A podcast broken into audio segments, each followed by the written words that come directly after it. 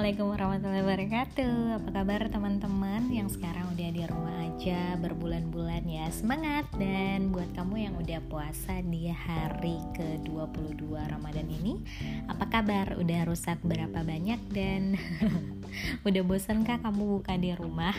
Semoga enggak ya Karena ini adalah jadi momen buat kita untuk kumpul sama keluarga gitu Kondisi terbaru di Denpasar sih hari ini tanggal 15 Mei adalah hari pertama pemberlakuan pembatasan kegiatan masyarakat. Jadi itu semacam PSBB tapi versi uh, tingkatan yang lebih rendah gitu di tingkat desa atau kelurahan. Jadi tadi pengalaman hari ini sih tadi berangkat pagi kerja itu uh, ada banyak pos-pos um, terus pas udah balik siang itu ada penjagaan-penjagaan gitu tetap ada cuman nggak sampai di stop sih tadi kalau Emma gitu. Tapi kalau tadi atasan di kantor ada yang bilang dia sampai di stop terus rapid test gitu. Jadi beda-beda ini ya pemberlakuan tergantung di wilayah mana gitu. Kalau di Denpasar sendiri pembatasan untuk keluar masuk Denpasar itu emang dijaga ketat gitu. Terus untuk uh, update terbaru kehidupan apalagi ya selain PSBB ya yang jelas di sini keadaan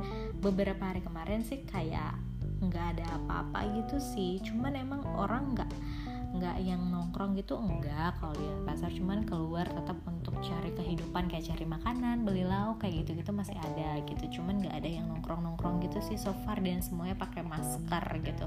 Dan per hari ini juga kantorku itu memperlakukan social distancing. Jadi beberapa susunan meja itu diubah. Yang kemarin aku agak mepet sama satu divisiku sekarang udah bisa sekitar 2 meteran. Terus uh, kantor pulangnya lebih cepat sampai jam 3 aja gitu ya. Sedih sama seneng um, banyakan sedihnya sih sebenarnya karena kantor tuh udah sepi banget sekarang.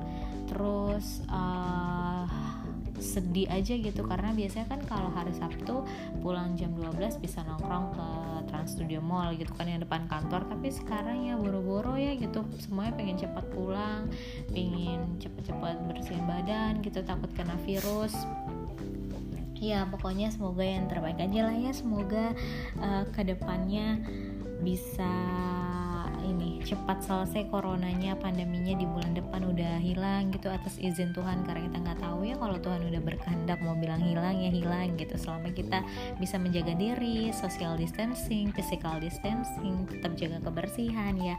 Semoga terus berkurang yang positifnya gitu. Terus kita bisa uh, pulih bisa beraktivitas dengan normal. Walaupun normal di tahun yang akan datang atau di bulan yang akan datang di tahun ini itu akan menjadi normal yang berbeda gitu. Tapi it's okay selama kita bisa bebas gitu normal yang berbeda pun ya nggak apa-apa gitu kan ya. Kangen gak sih ketemu sama teman-teman gitu? Puasa tahun ini tuh beda banget sama puasa tahun kemarin sama puasa tahun kemarinannya lagi ya. Walaupun secara pribadi tiga tahun berturut-turut ini tuh kayaknya udah jarang banget bisa buka di rumah gitu. 2018 memang aku masih di Lombok cuman uh, di tahun itu kerjaan padat banget di bulan uh, Ramadan gitu. Banyak kegiatan yang dilakuin jadi kebanyakan bukanya sama teman-teman kantor bukan teman-teman kantor bukan kantor tapi teman-teman kerja gitu kegiatan-kegiatan di luar buka bersama sama uh, klien-klien kayak gitulah. Terus di tahun 2019 kemarin sempat uh, buka sama keluarga tapi cuma di akhir Ramadan aja karena tahun lalu pun udah di Bali gitu. Dan sekarang nggak bisa buka sama keluarga nggak bisa mudik gitu. cuma bisa teleponan tiap hari nanyain hari ini makan apa?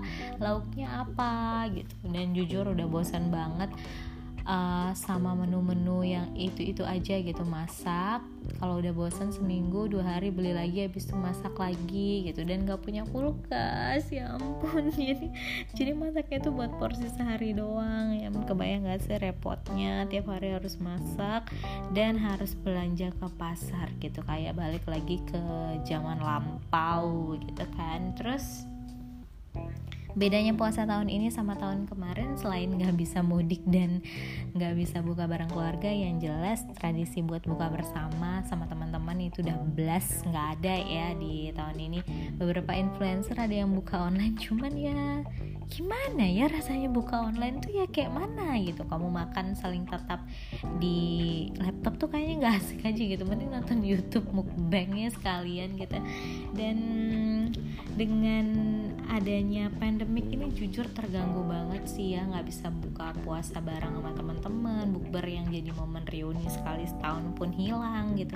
Dan lebih parahnya lagi nggak bisa mudik gitu. Nah tapi sebenarnya buka puasa yang nggak ada ini gitu dan nggak mudik ini tuh sesuatu yang enak nggak sih gitu capek kalau aku nahan rindu secara anaknya extrovert banget ya apa-apa harus kayak ketemu sama orang ngobrol sama orang tuh kayak jadi salah satu healing gitu untuk ngilangin stres kalau aku gitu. Apalagi kalau nggak bisa ketemu sama keluarga tuh aduh mumet banget dah mesti di kosan yang hanya seluas ini gitu. Ke depan liatnya tembok ke belakang liatnya tembok ke atas liatnya plafon gitu. Kayaknya bosen banget gitu. Tapi buat yang introvert buat yang nyaman sama dirinya sendiri gitu. Ini mungkin akan jadi hal yang positif ya akhirnya setelah tiap hari ketemu orang akhirnya bisa rebahan gitu walaupun bosen gak sih rebahan dua bulan gitu ya. Semoga segera berlalu ya. Dan dengan gak adanya bukber sama mukdik ini untuk masalah keuangan ini sebenarnya bisa jadi hal yang positif ya. Bisa alokasi dananya bisa disimpan nanti mudiknya kalau udah boleh baru dikeluarin gitu. Tapi apa emang masih ada gitu alokasi dana untuk mudik sama bukbernya gitu? Buat yang berpenghasilan tetap sih bisa jadi iya gitu ya. Yang penghasilannya masih normal gitu. Cuman buat uh, yang gajinya 50% yang unpaid leave dirumahkan tanpa dibayar diliburkan tanpa dibayar atau yang di rumah dirumahkan di layoff gitu. Ini kayaknya biasa aja deh emang nggak ada bukber tuh ya karena kita juga pemasukan nggak ada gitu. Jadi emang alokasi ke dana ke sana pun nggak ada gitu. Jadi memang seharusnya nggak ada bukber dan nggak ada mudik di kondisi keuangan yang kayak gini gitu kan ya. Berbeda orang berbeda nasib berbeda hal yang dijalani ya teman-teman. Jadi uh, buat teman-teman yang penghasilannya masih tetap masih normal di era pandemik ini gitu. Dan nggak ada momen buka puasa bersama bisa banget jadi momentum ya buat nabung gitu. Karena secara kalau aku pribadi di era pandemik ini udah dua bulan itu benar-benar black period gitu loh. Walaupun agak kecolongan sih sekali gitu break periodnya itu maksudnya kayak belas nggak ada belanja gitu. Biasanya kan tiap weekend ada aja lah ya ke mall jajan-jajan atau beli baju parfum lah ya kalau perempuan celana gitu. Tapi kalau sekarang tuh benar-benar black period. Kehidupan dua bulan tuh cuman untuk living yang benar-benar primer aja gitu buat makan kayak gitu-gitu nongkrong-nongkrongnya nggak ada gitu kalau buat teman-teman yang penghasilannya normal hal-hal kayak gini kan bisa benar-benar ngebantu banget ya untuk uh, nge-up tabungan gitu. Bisa buat nambah investasi gitu buat beli walaupun keadaan sekarang saham lagi anjlok banget gitu. Cuman buat teman-teman yang investasi jangka panjang yang pengen ke sana kan bisa jadi momen ya untuk uh, beli sekarang gitu. Terus uh, emas juga nilainya yang paling stabil di antara semua instrumen gitu bisa nabung ke sana juga gitu. Nah buat teman-teman yang keuangannya menurun gitu tapi masih ada tabungan alhamdulillah masih ada yang menyelamatkan ya teman-teman. Jadi ada sisi hal positif dan negatif lah puasa dan corona dan keadaan keuangan perekonomian yang kayak gini nih dipertemukan jadi satu gini nih ada hal positif dan ada hal negatifnya gitu buat teman-teman yang lay off gitu jadi pelajaran banget nggak sih kalau di era kayak gini tuh harus benar-benar punya tabungan gitu. Alhamdulillah kalau misalnya nggak ada utang kan, jadinya uh, walaupun nggak ada tabungan itu tinggal ngeluarin skill yang emang kita udah punya aja gitu untuk cari penghasilan gitu. Penghasilan baru karena penghasilan lama kan udah nggak ada lagi udah nggak ada yang bisa diharapin gitu. Nah buat yang ada utang gitu harus benar-benar gimana caranya buat bisa uh, cari solusi gitu. Mungkin dengan cara pengajuan relaksasi atau jual agunannya gitu ya jual jaminannya supaya nggak ada utang biar fokus mikirin hidup ke depannya gitu. Karena who knows gitu sampai kapan pandemik ini akan berlangsung kita nggak ada yang tahu gitu kan.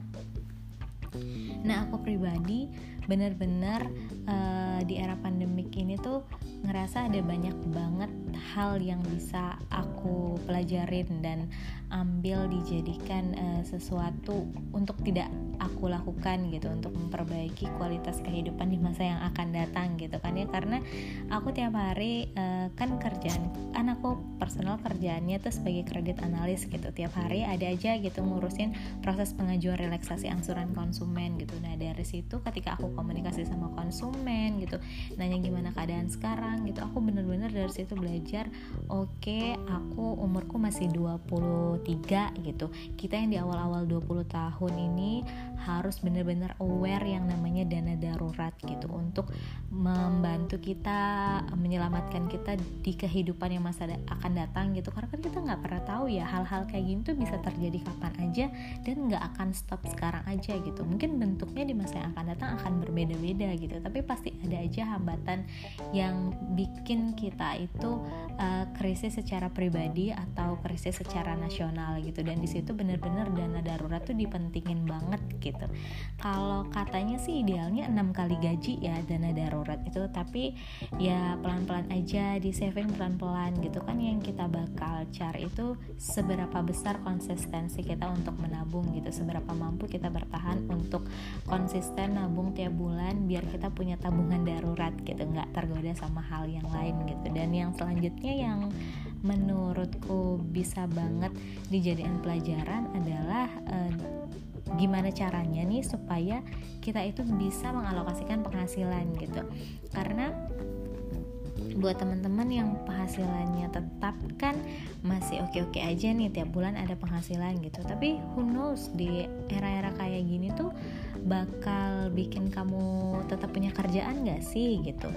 Kan nggak ada yang jamin ya even kamu pegawai tetap kalau misalnya keadaan perusahaannya juga jeblok ya mau nggak mau kan kita juga harus dikorbankan gitu sama perusahaan gitu.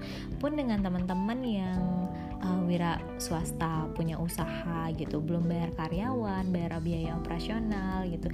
Di era-era yang kayak gini nih bener-bener menjadi ujian gak sih buat yang berwirausaha gitu? Karena harus uh, benar-benar nge-manage gimana supaya usaha bisa bertahan tapi bisa menghidupi karyawan juga gitu. Nah di situ pentingnya gimana supaya kita bisa ngalokasiin penghasilan gitu harus bagi ke pos-pos gitu. Karena hidup tuh nggak cuman buat makan sama nongkrong doang gitu. Kita harus bisa bagi itu ke sosial gitu ke pos sosial maksudnya ke pos tabungan pos investasi gitu zakat kayak gitu itu harus tetap dialokasiin gitu. Nah kalau Emma sendiri rekomendasi ke teman-teman mungkin bisa lihat ke Zep Finance ya. Itu punya Mbak Prita Gozi gitu bisa bantu kita buat yang awam banget nih buat alokasi gaji gitu. Bisa lihat di sana aja metode-metodenya banyak banget gitu.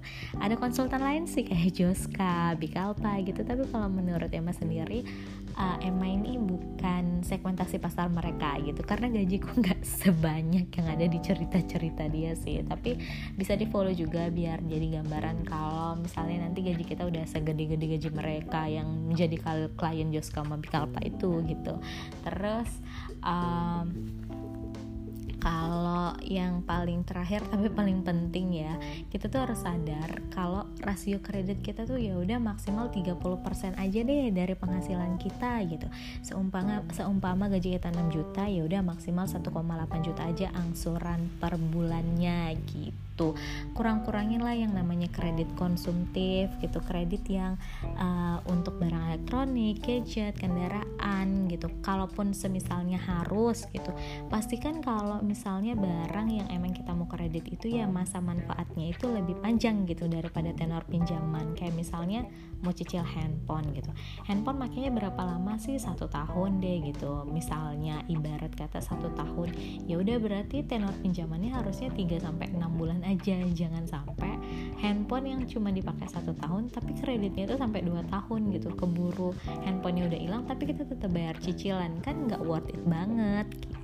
Itu terus yang selanjutnya pastiin kalau nilai manfaatnya itu lebih gede gitu daripada uh, nilai angsuran uh, plus biaya maintenance dari barang itu gitu. Misalnya kita mau kredit mobil seharga uh, 100 juta gitu anggap harganya 100 juta tambah pokok utang plus uh, biaya maintenance-nya per tahun itu anggap aja jadi totalnya itu selama tiga tahun itu uh, 300 juta gitu. Misalnya ya harga mobil awalnya 100 juta tapi setelah dihitung-hitung jadi 300 juta gitu.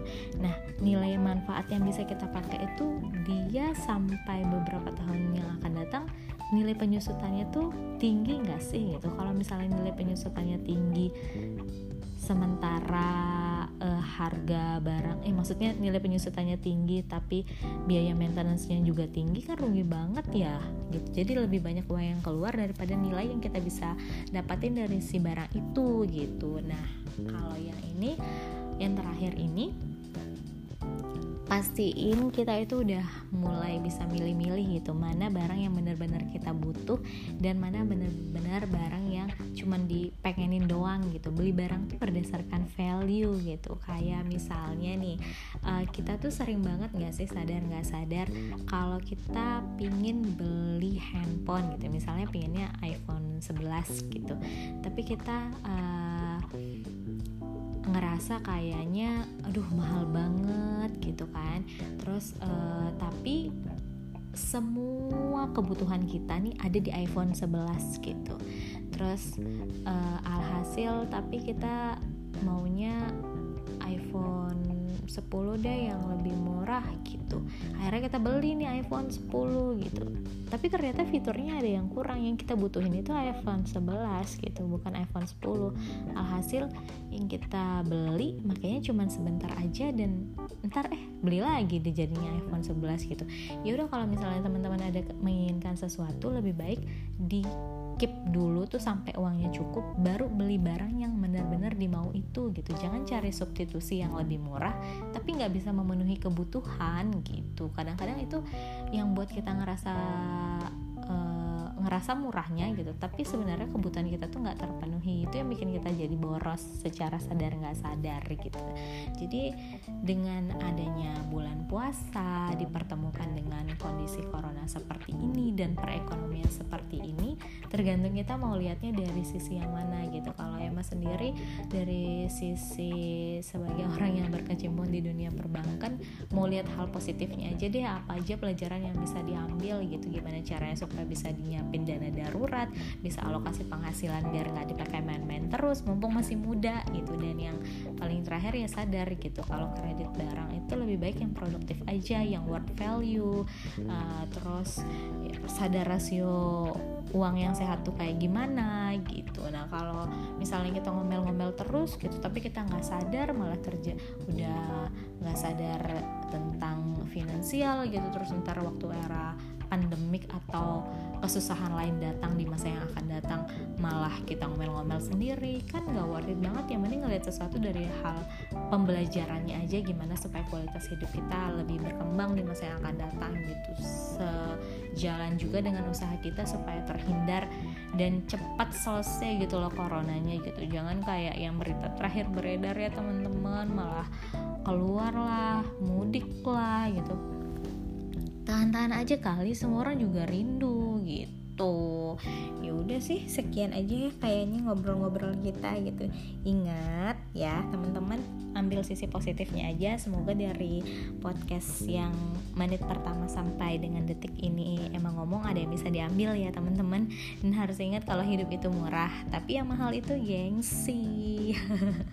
Bye bye teman-teman. Sampai ketemu di podcast selanjutnya Thank you.